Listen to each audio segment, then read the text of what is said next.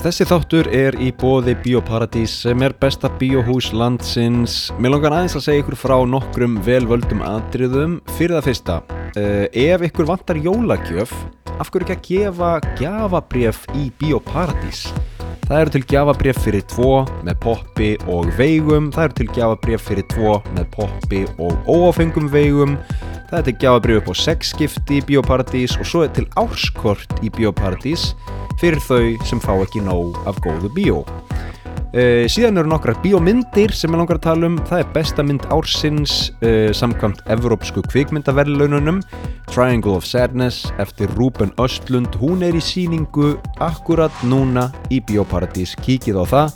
Síðan er besta grínmynd ársins uh, aftur Evrópsku kvikmyndaverðlaunin The Good Boss El Patrón, El Buen Patrón heldur hún heiti á spænsku með Javier Bardem Hún er líka í Bíóparadís og ef ykkur langar að sjá íslenska mynd þá er það sumarljós og svo kemur nóttin.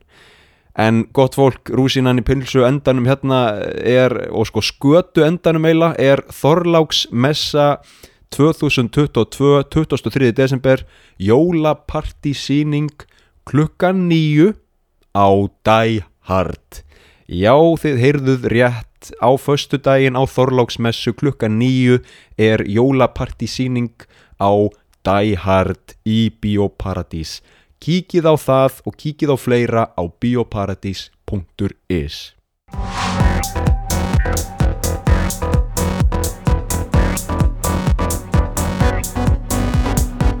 Gott fólk, verið velkomin í þátt númer 66 af klávarpinu heimsendir. Þetta er sérstakur jólaþáttur. Ég ætla að fjalla um jólin hérna í Japan og áramótin.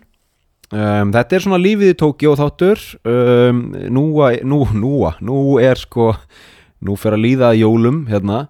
Ég er ekki komin í jólaskap. Uh, það er ekkert að förða því að jólin í Japan eru svona e, lástemt, það er ekkit rosalega mikið um jólahefðir en þó eitthvað og ég ætla að fara yfir það og sérstaklega áramótahefðir núna eftir. E, sko, ef við staðsetjum okkur það er orðið kallt eins og ég hef talað um um, sko ekki af því að það er rosalega kallt úti og nú fær maður fréttir af fólki föstu í sköplum heima á Íslandi. Það er einhvern veginn, einhvern veginn búið að loka fólk inni á flugvellinum, það er allt allt í ruggli, sko veðurfarslega heima á Íslandi hér er bara sól og fallegt veður en málið er að húsin hérna eru byggð úr pappakössum þannig að já sko ég er í ullarsokkum og, og, og bara ull frá toppi til táar innan dýra af því það er svo kallt inni. Um, það er ekki, það vantar þessa einangrun sem við búum við á Íslandi.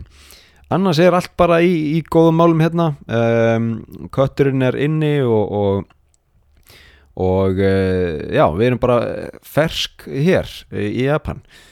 Uh, já, þá, þá erum við búin að staðsitja okkur og ég held við bara dembum okkur beint í málumni dagsins sem er jólin í Japan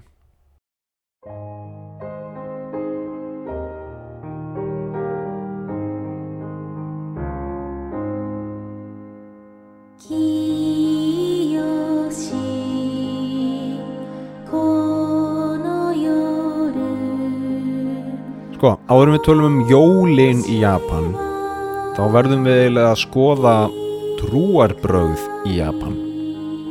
Sko, það eru tvö stór trúarbröð í Japan. Það er annars vegar Shinto sem er svona hinn eiginlega japanska trú.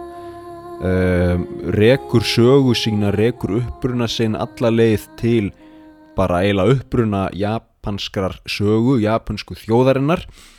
Og sko ég gæti nú tekið fyrir Sindó bara í öðrum þætti en, en það er það er svona fjölgiðistrú margir guðir það er einhver, það er einhver animismi í því líka uh, guðir uh, sko í náttúrunni guðir í fjöllunum, guðir í sjónum eitthvað svona.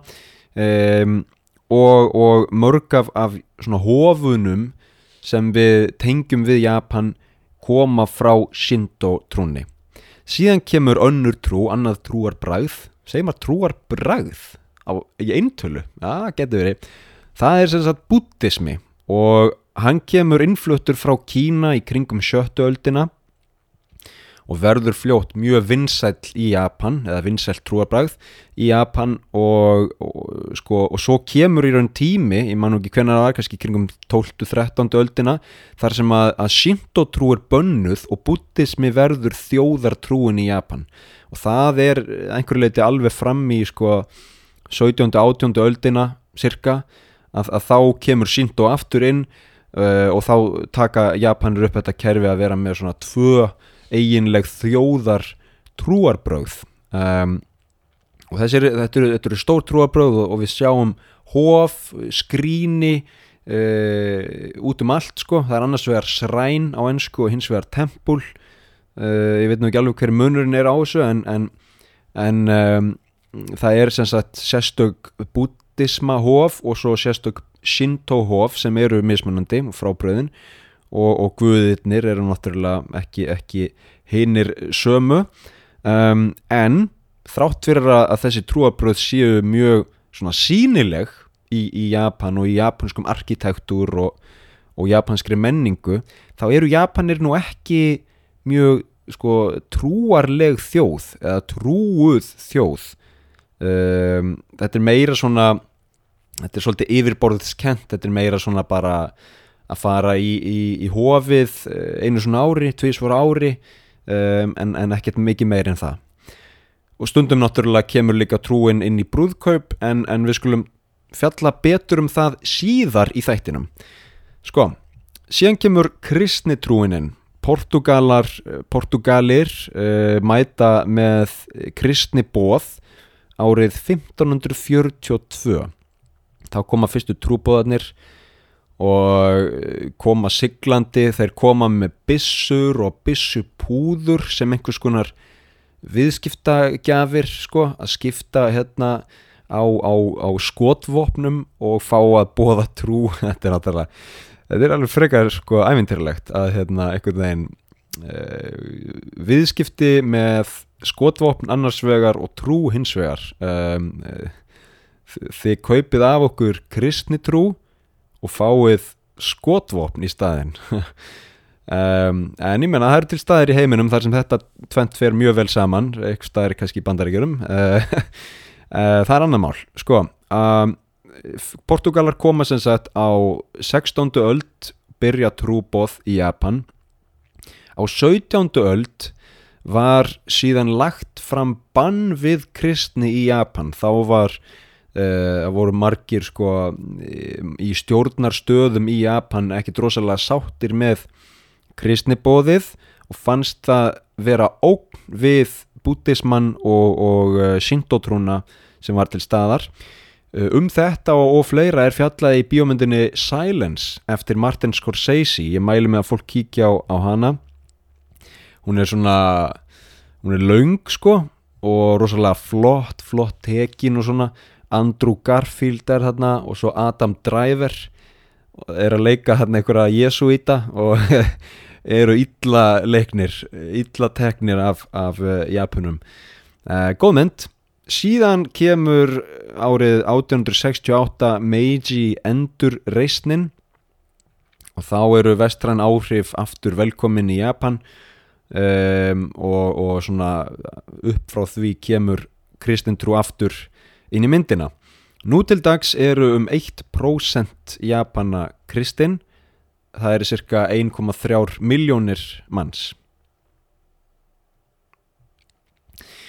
Um, ef við skoðum aðeins japanskar jólahefðir, uh, sko, ég meina og svo, svo náttúrulega er spurningin, eru jólinn Í, í allara hugum trúarleg hátíð, já ég menna þau eru það nú. Uh, þó að margar hefðir eigi uppruna til heiðinni og eitthvað svona þá eru jólinn nú í grunninn trúarleg hátíð og, og, og margir fara til kirkju.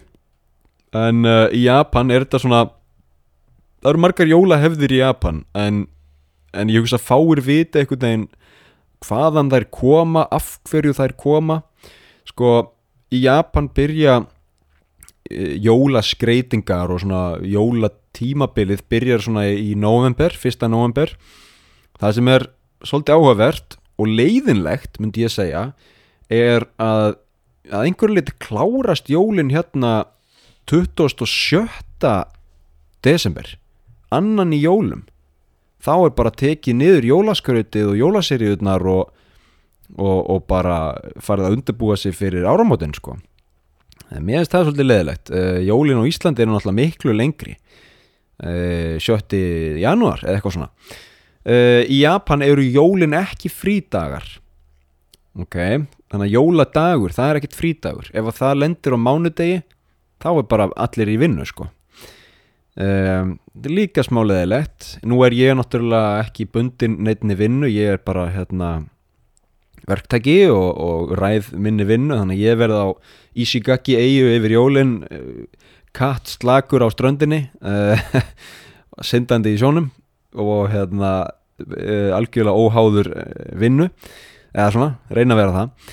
Uh, ég myndi segja að jólin í Japan og jólahefðir í Japan séu mestu liti byggðar á neistlu neistluhyggju um, sögur myndu kannski kalla þetta einhvern veginn svona kapitalisma og kapitalísk áhrif sko, en þetta eru þetta er aðalega bara viðskipti og neistla um, verslunar götur, verslunar miðstöðvar, þetta er mikið skreitt fólk fer á jólamarkað um, sem er oft byggðir á svona þýskum jólamörkuðum uh, og, og fær sér kannski veist, heitt vín eða, eða pulsur eða eitthvað svona.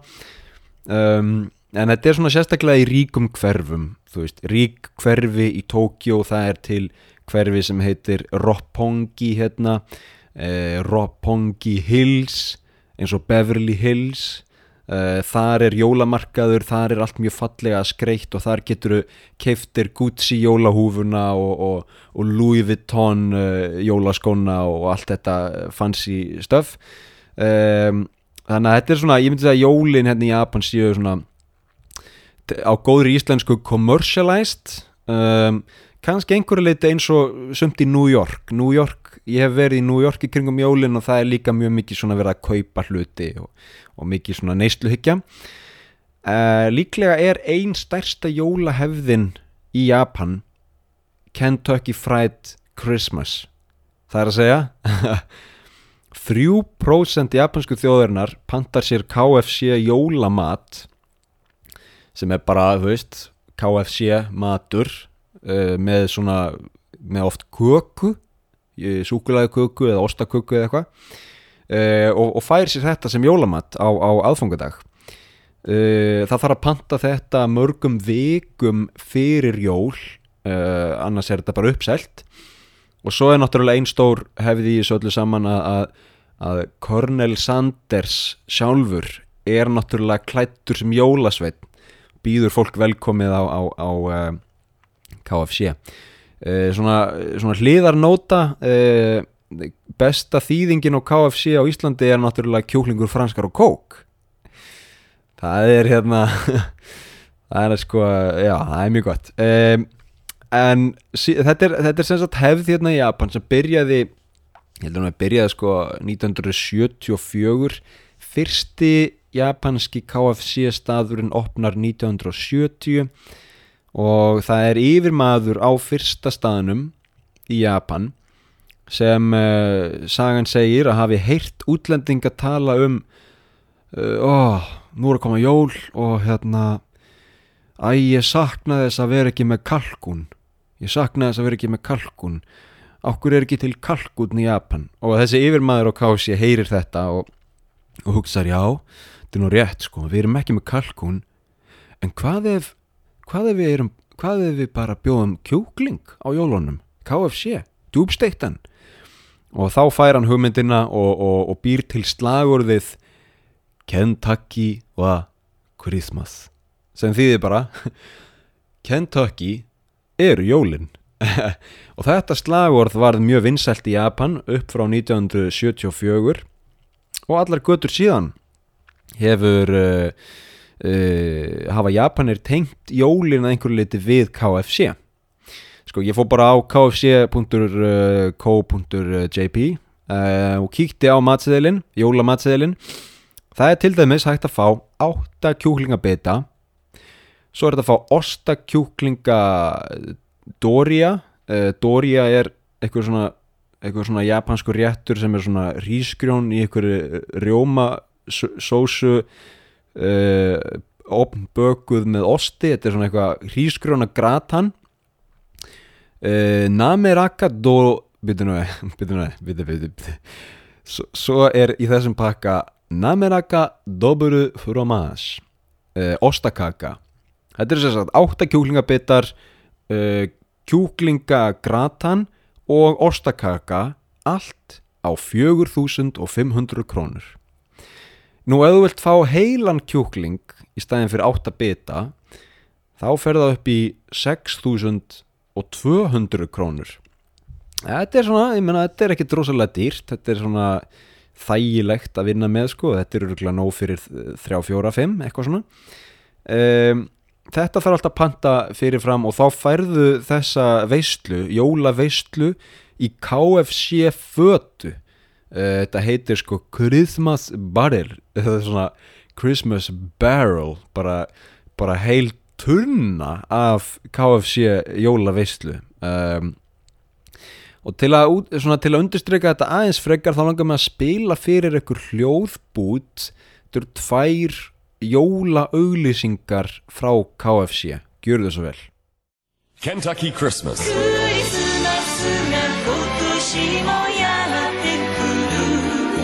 みんな待ってるケンタッキー。ミレニアムクリスマスはケンタッキーのパーティーバーレルで。もう予約した。ケンタッキークリスマス。マスがママママ今年のクリスマスはいつにする？23、24、25日のご予約はお早めに。パーティーバーレル Þetta var uh, KFC jólaherrferðin í Japan. Uh, Nú komum við að annari jólahefð. Þetta er jólakaka eða jólaterta. Sko, eftir setna stríð kynntu Amerikanar inn uh, sínar kökuhefðir til Japan. Það er að segja sætar rjómatertur uh, og, og kökur. Eitthvað sem þekktist ekki til Japana því að japanskt eh, nammi eða svona japanskur desert er ofta ekkit eitthvað rosalega sætur um, sem mér finnst mjög gott sko. Mér finnst nú hérna, íslenskar tertur og, og, og, og hendalega amerískar, bandarískar líka vera oft uh, svona full sætar sko.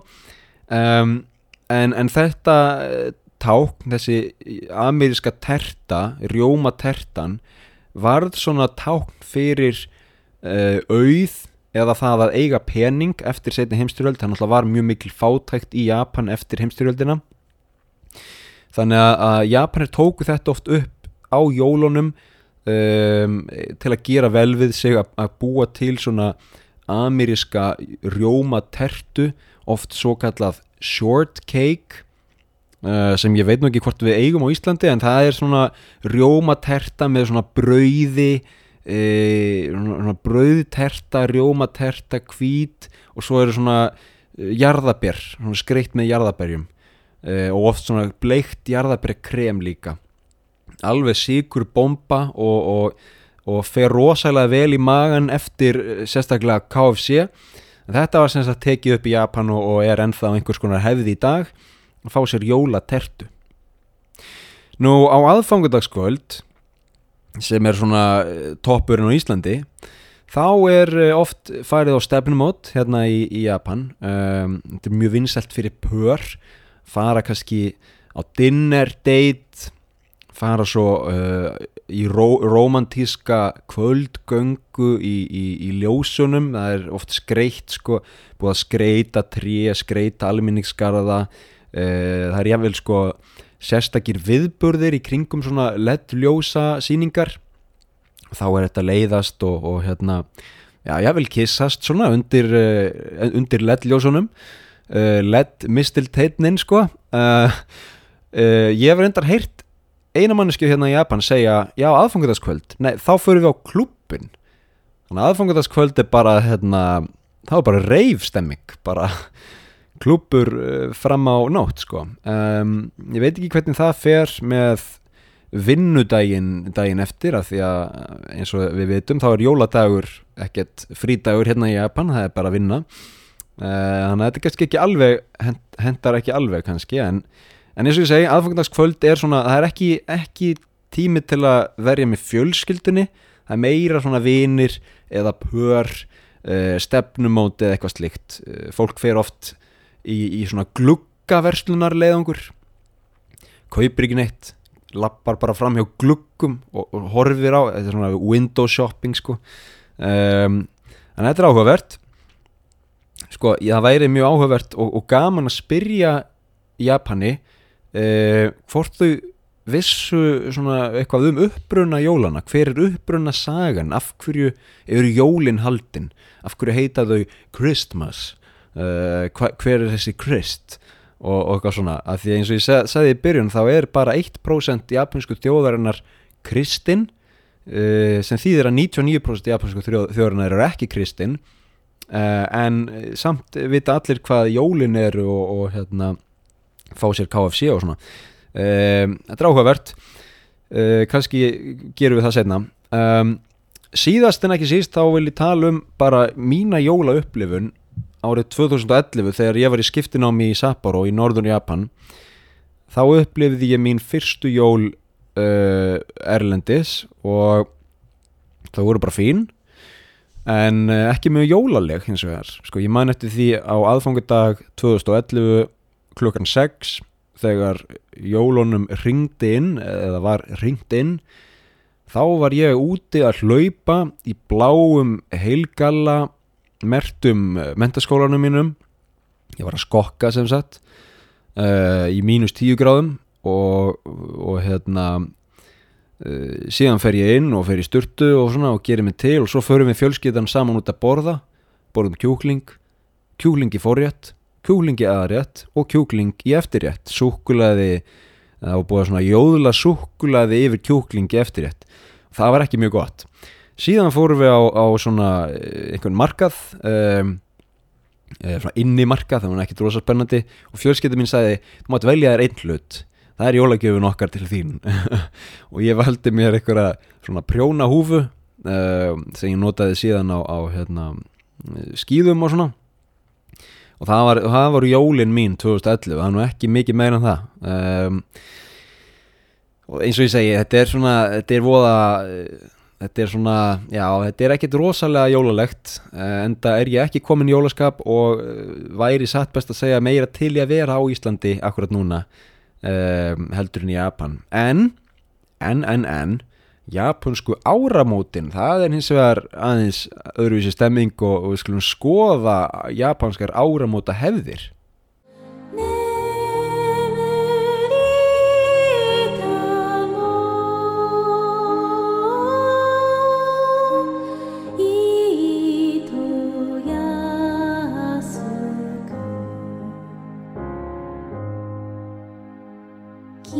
Sko, mér finnst uppáhaldstíminn uh, í kringum jólin vera milli jóla og áramóta um, tíminn, þú veist, það er 27. 7. 8. 9. 30. þessir dagar milli jóla og áramóta milli jóla og nýjárs eru skemmtilegustu dagarnir, þá getur maður hangið inn í tölfunni eða verið úti á, á hérna, í snjónum eða, eða bara verið að glápa jólamyndir eða eitthvað svona. Borða óhemju af, af uh, drastlið sko, reyktu kjöti og söldu kjöti og, og uh, mjög miklum sætindum og svona. Um, allt mjög holdt og gott. Og síðan koma áramótin og á Íslandi er þetta svolítið þannig að maður svona maður fer svona eiginlega full uh, geist í mikinn jólamat og, og jólahefðir og jólamenningu og svo einhvern veginn fær maður bara nóg af því eftir áramót og, og eftir 13. þá tekur við eh, svona skamdegis eh, glíma einhver sko um, í Japan er þetta allt öðruvísi jólinn koma og fara og, og hérna fólk er ekkert að gefa því mikinn gaum eins og ég sagði í byrjun þá eru jólinn eiginlega bara búinn 27. desember og þá taka við áramóta hefðirnar um, sko fyrir það fyrsta þá, er þá eru áramótin í Japan miklu meiri svona fjölskyldu stund heldur en jólin 31. desember þá kemur fólk saman, þá koma fjölskyldur saman og, og, og verja áramótunum saman fyrsta áramóta hefðin sem ég langar að fjallum er um, svo kallað Otoshidama sem er bara áramóta gjöf oft uh, til sko barna eða, eða unglinga. Ég hugsa að fólk sé ekki að gefa þetta sín á milli á fullóninsaldri þetta er meira svona fyrir krakkana. Þetta er ekki neinn gjöf nema bara peningur. Þetta er bara umslag. Uh, stundum er eitthvað skrifað á það en oft er þetta bara 5, 10, 15, 20 skall í umslagi. Uh, þú færði þetta þú veist, þannig að með áramótin ertu kannski að fá ég veit ekki 30, 40, 50 skall eitthvað svona, mjög næs um, og getur nýtt það í, í vasapenning á nýju ári. Uh, þannig að þetta er svona otoshidama. Uh, það er ekki, þú veist það er ekki verið að gefa eiginlegar gjafir, þetta er meira bara að gefa pening. Uh, sömur segja að það sé besta gjöfin ég segja að það sé uh, uh, ég segja að það sé ekki skemmtileg gjöf, sérstaklega ekki fyrir börn.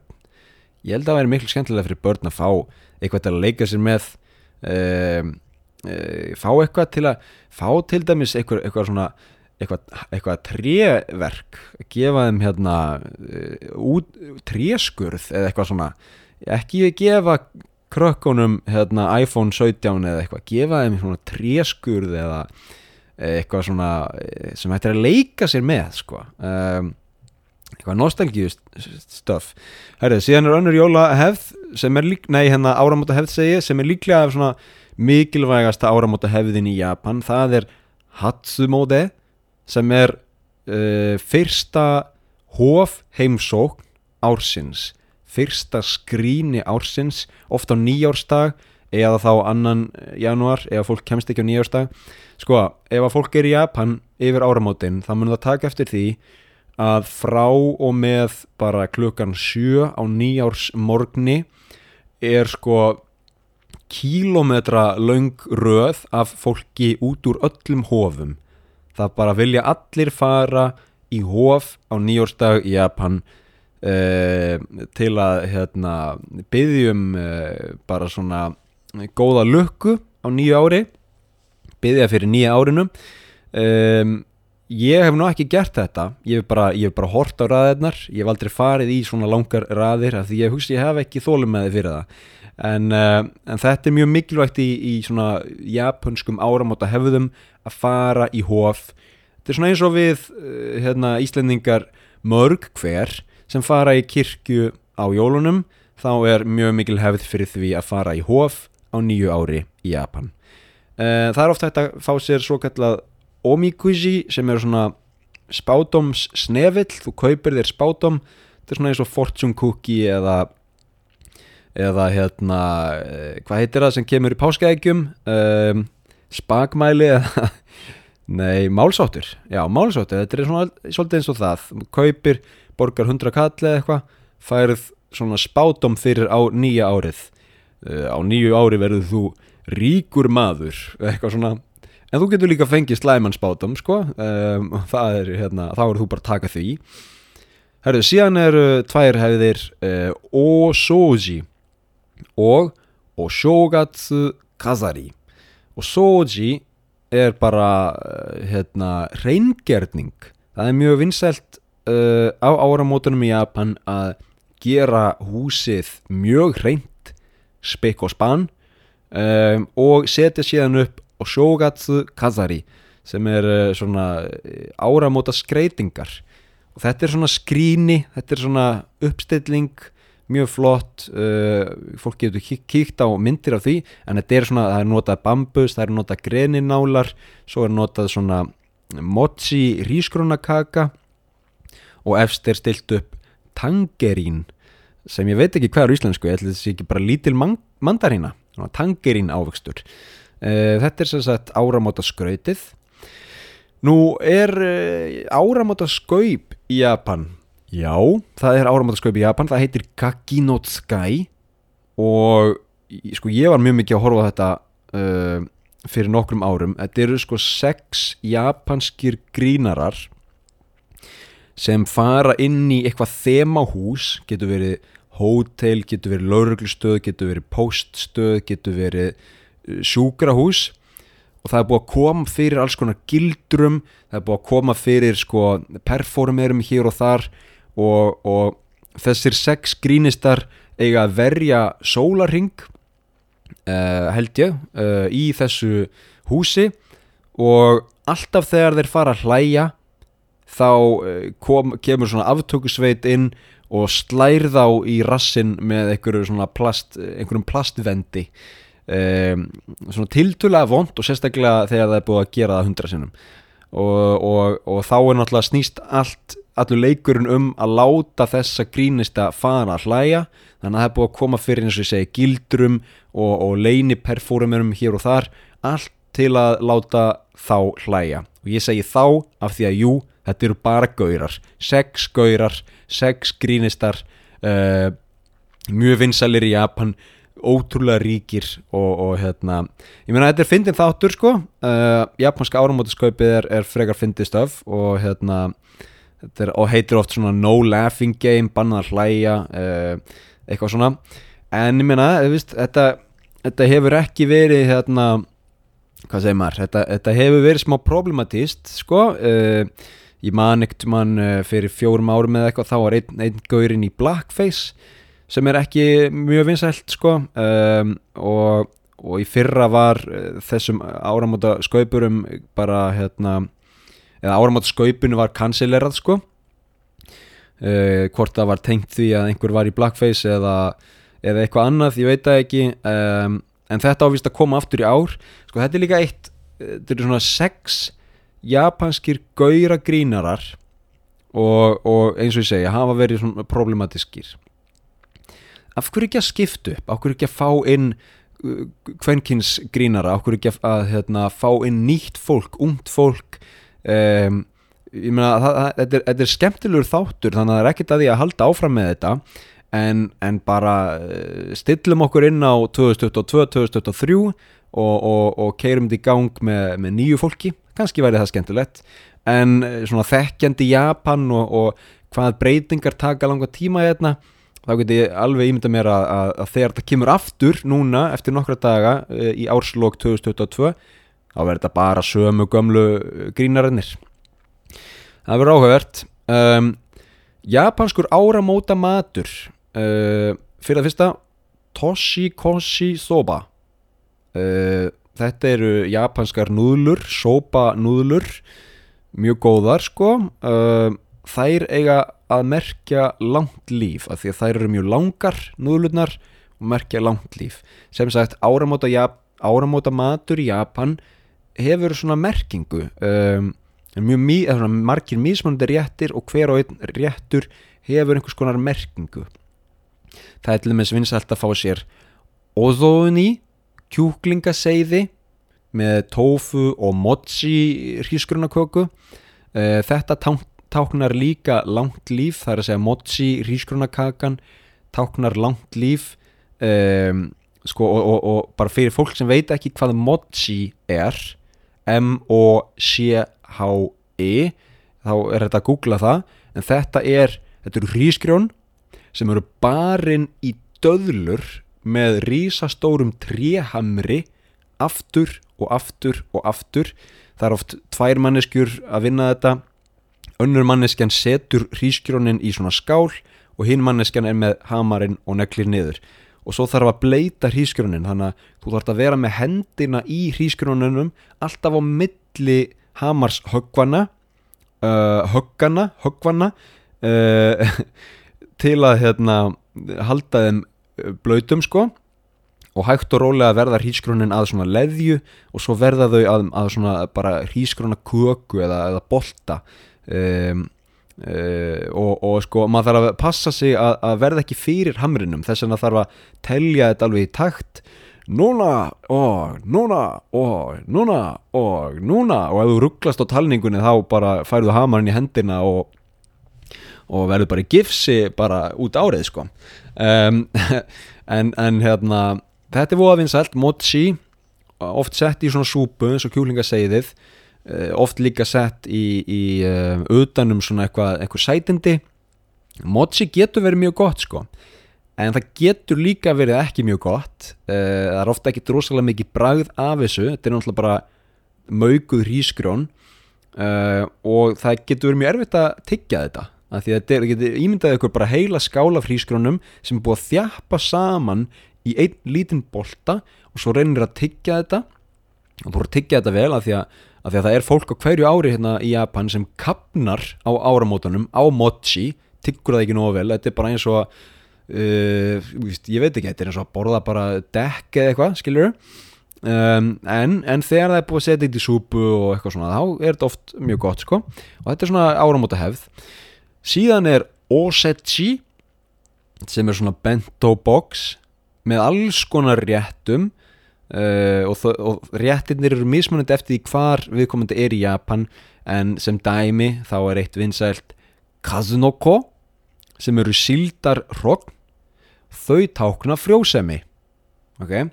Datemaki rulluð eggjakaka með fiskbúðing sem táknar scholarship eða fræðimennsku. Uh, eða, eða námstyrk Nei, líklega meira svona fræðimennsku uh, oft eru rækjur. Til, til dæmis þegar ég var í Hokkaido í norður Japan um áramótin þá fekk ég rækjur, mjög góða rækjur alveg ferskar og hráar notabenni uh, þær tákna langt líf. Um, þannig að þetta er svona, það er alls konar áramóta matur í Japan sem fjölskyldan borðar saman mikið mochi um, og, og hérna allt svona táknum um uh, komandi ár og áratugi mikið gott og jákvæ, jákvægt frjósemi, langt líf og allt þetta dótt þannig að þetta voru svona uh, áramótin í Japan. Nú skulum við skella okkur í fastan dagskrálið hljóð vikunar hljóðvikunar uh, hljóð jólavikunar uh, er eitthvað sem er bara hérna, mjög einfalt að kynna. Þetta er ég að syngja lagið Ó helga nótt á japansku Gjörðu svo vel「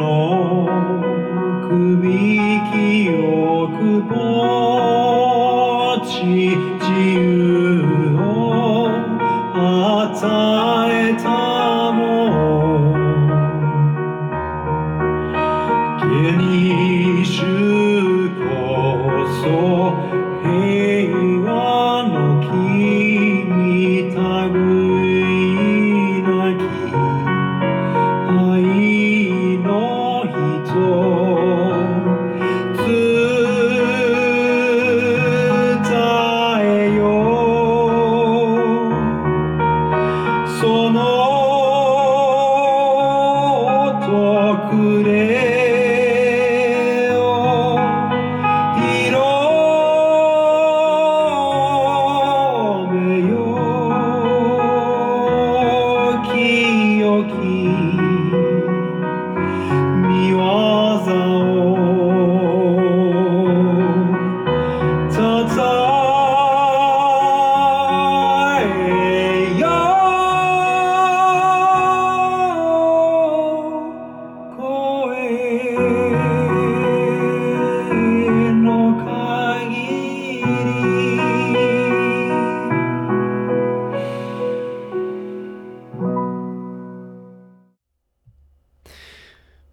Já, já, já, fallegt var það uh, ég að syngja óhelga nótt á japansku í hljóði vikunar um, Sko, ég er búin að tala aðeins um jólin í Japan. Ég er búin að tala aðeins um áramótin í Japan. Uh, Það sem ég kannski ekki talað um er jólasveitnin. Uh, Sko, hann er bara, hérna, hann kemur bara beint frá bandaríkjanum bara hérna í, í, í næsta flugi sko. Uh, þannig að það er ekkert, þú veist, það er engar sérstakar japanskar jólahefðir í kringum jólasveinin. Það er bara bandaríski, ameríski jólasveinin sem, sem, sem sér um það. Uh, hvað annað, ég meina þetta er þú veist, þetta er eins og þetta er eins og með, með rekjavökunna og uh, Thanksgiving og allt þetta dót.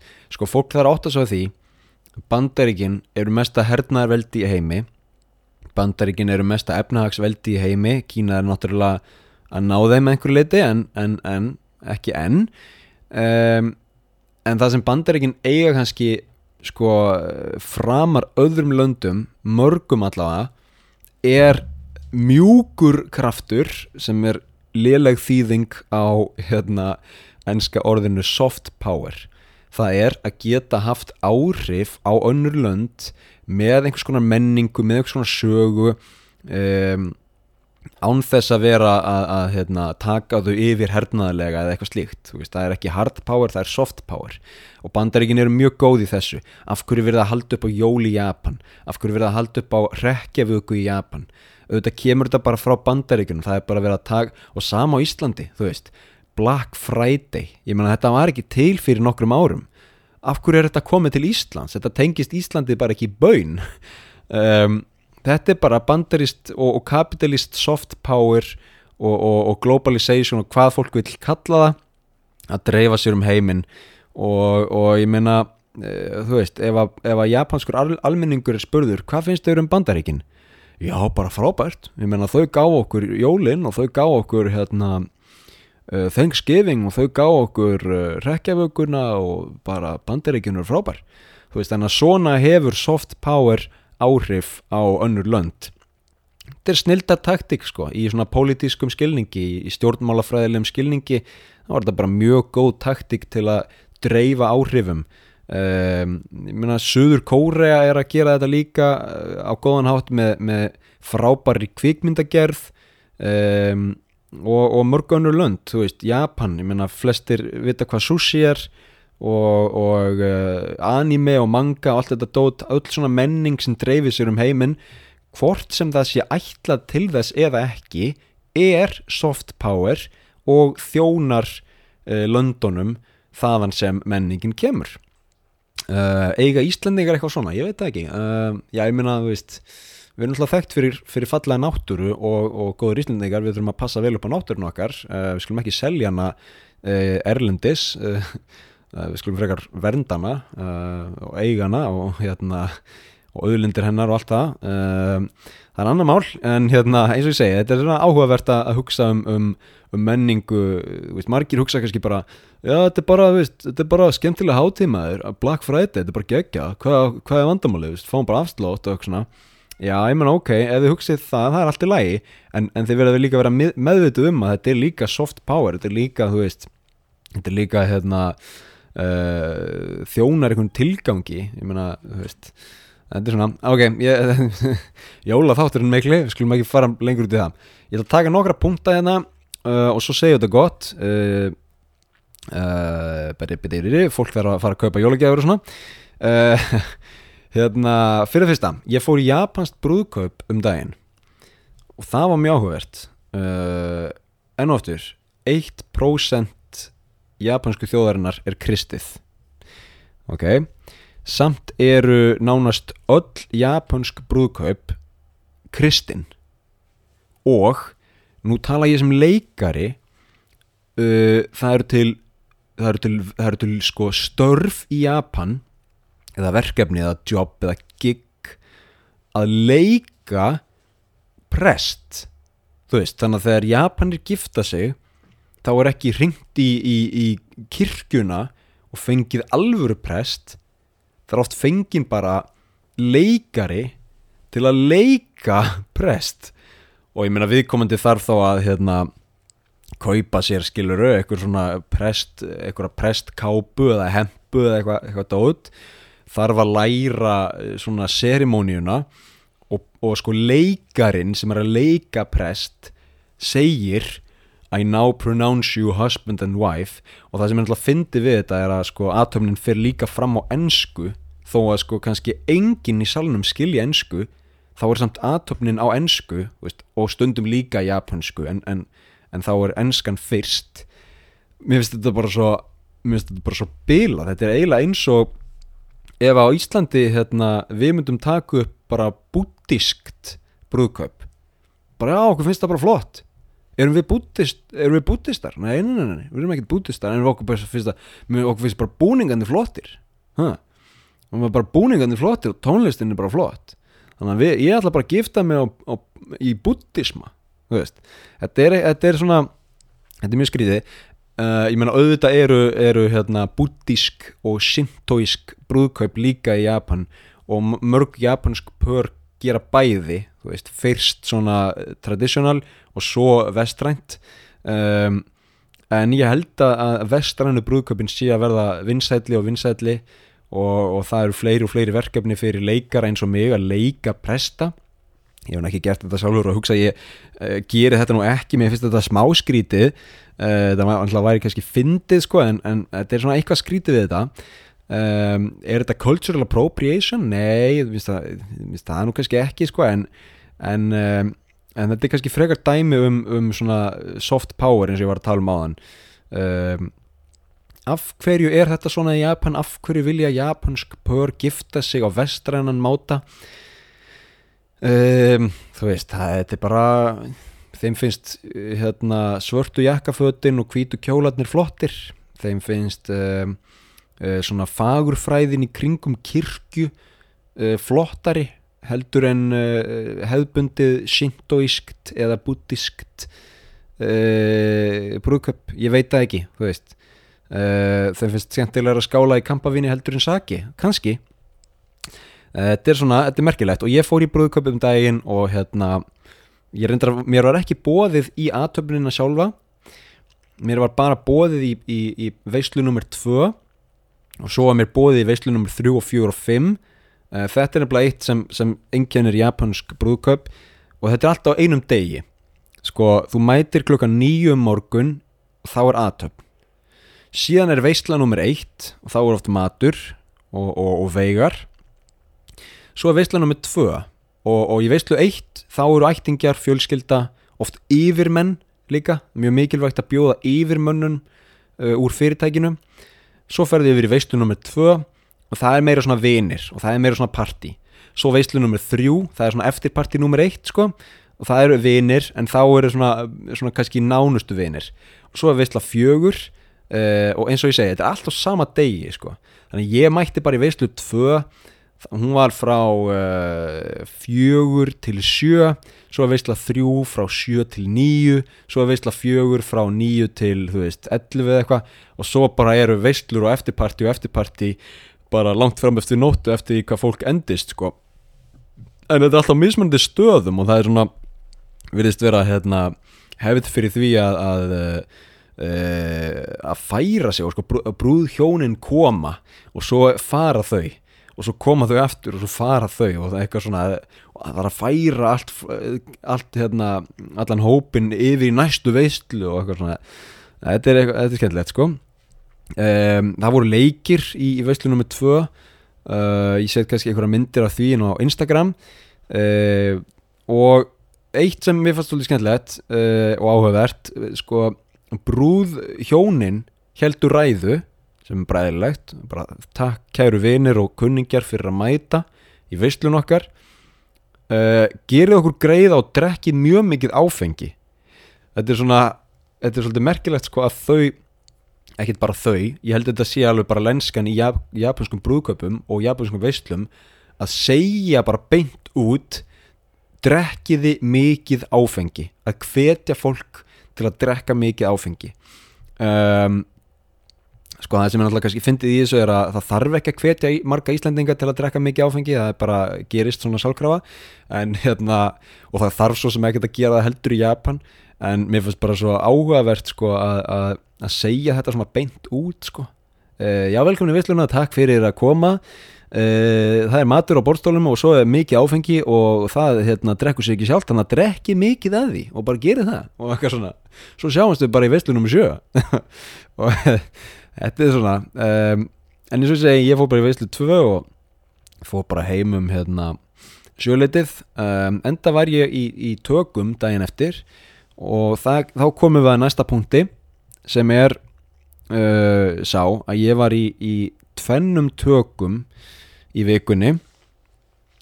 Fyrstu tökurnar voru á svona eh, sjónvarstætti í Japan sem leikur eftir e, sögulega atburði e, og döppar á japansku og þetta er mjög vinsælt sjónvarsefni í Japan. Ég veit ekki hvort við eigum svona á Íslandi en þetta er svona, þetta er eiginlega eins og þið getið ímyndað ykkur uh, í ljósi sögunar í sjónvarpi þar sem að nokkrar senur úr sögunni eru leiknar eftir af oftast vestrænum leikurum. Ok, þannig að þarna var verið að fjallum eitthvað flugslis frá 1970 uh, og ég var að leika einn uh, rannsóknarmannin svo reynda var ég líka að leika hérna uh, einn ein sem lendi í flugslisinu og eitthvað svona og leika marga mismunandi karaktera sko. Þannig að byrju nú, dó þessi gaur ekki í flugslisinu, okkur er hann að rannsaka eigið flugslis, hvað er að gerast hérna? Bregður svona fyrir aftur og aftur. Þetta var mjög skemmtilegt verkefni. Þetta var tveir dagar og þetta, en, en sko þetta var bara aukaleikaraverkefni og það ekki, ekki hérna, bara aukaleikaraverkefni en bara þetta var aukaleikaraverkefni þannig að hérna, ég var ekki með neinar línur og, og, og, og þetta var bara svona mjög skemmtilegt skemmtilegt að, hérna, sjá hvernig þetta er gert. Við fórum í sko stúdíu það sem var búið að byggja heila flugvél uh, og vorum inn í henni og, og svo var búið að byggja tilrunastofu og, og mörg flott stúdíó og sett sem við sáum og ótrúlega gaman að vera með hinnum hérna, aukaleikurunum að djóka og fýblast og, og vera í rugglinu og vera í galsa. Við vorum hérna mjög lengi og, og orðin mjög þreytt og svona. Um, en síðan í, í hérna uh, eftir sem sagt brúðköpið þá fór ég í annað verkefni og þá var ég sko eiginlega í aðalhutverki og var með, var með heila senu það var auglýsing uh, sem kemur út fljóðlega og ég posta henni bara á Instagram um leið og hún kemur það því að hún verður áhugaverð. Þar var ég að leika á móti frægum japanskum leikara og uh, og þetta var einn tökudagur og það var ekki síðan 60 manns uh, á staðnum og, og hérna, leikstjóri, aðstofleikstjóri og alls konar og, og hérna og ég var með fólk sem var aðstofa mig sko, sem bara, gerist nú ekki oft það var mér þess að manneska sem var fengin í það að koma með vatn handa mér. Uh, maður bjóða vatn núna, já takk. Ég fekk mér einn sopa og svo tekur manneskan við vassflöskunni, lokar henni fyrir mig og, hleypur á hliðalínuna og býður þar. Og kemur svo aftur með vatni með vantar eitthvað svona. Um, en þarna, þetta var svona merkilegt sko, það var ótrúlega merkilegt að sjá munin á þessu. Í öðru verkefninu er ég, er ég sko innan geðasalaba bara aukaleikari. Fæ rosalega litla aðtikli uh, fæ náttúrulega enga aðstóð þannig séð og er svona ekki mjög mikilvægur fyrir framleiðsluna.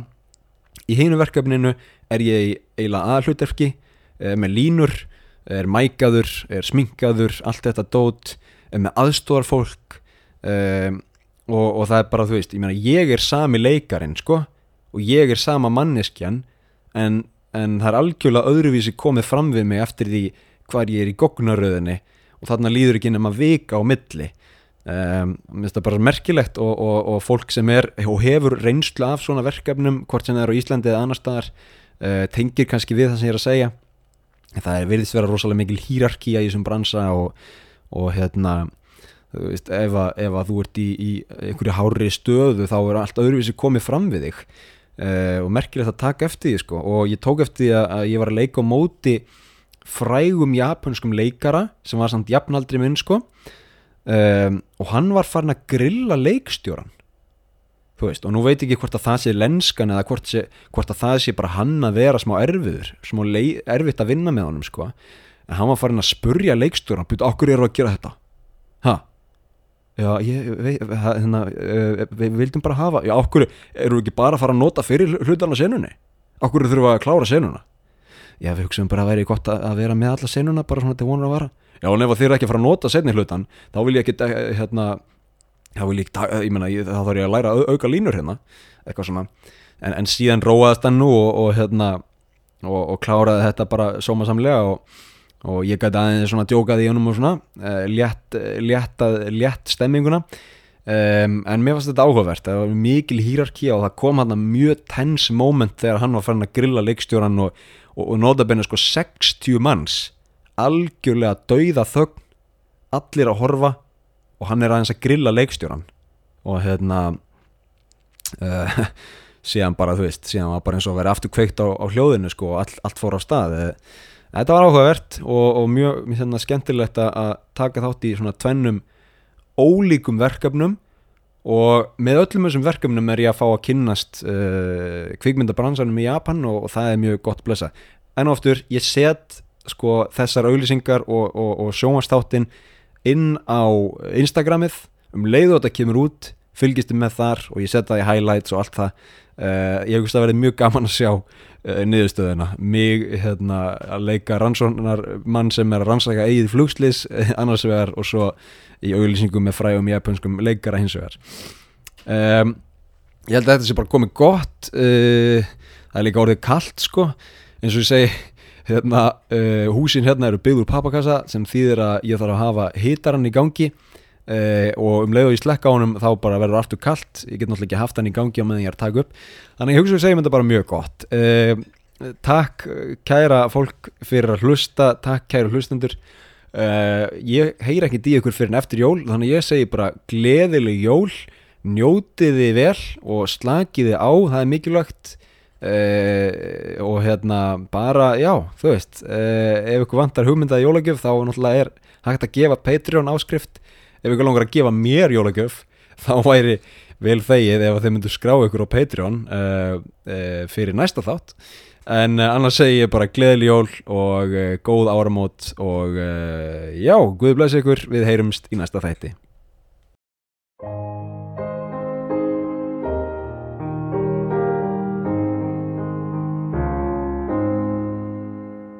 き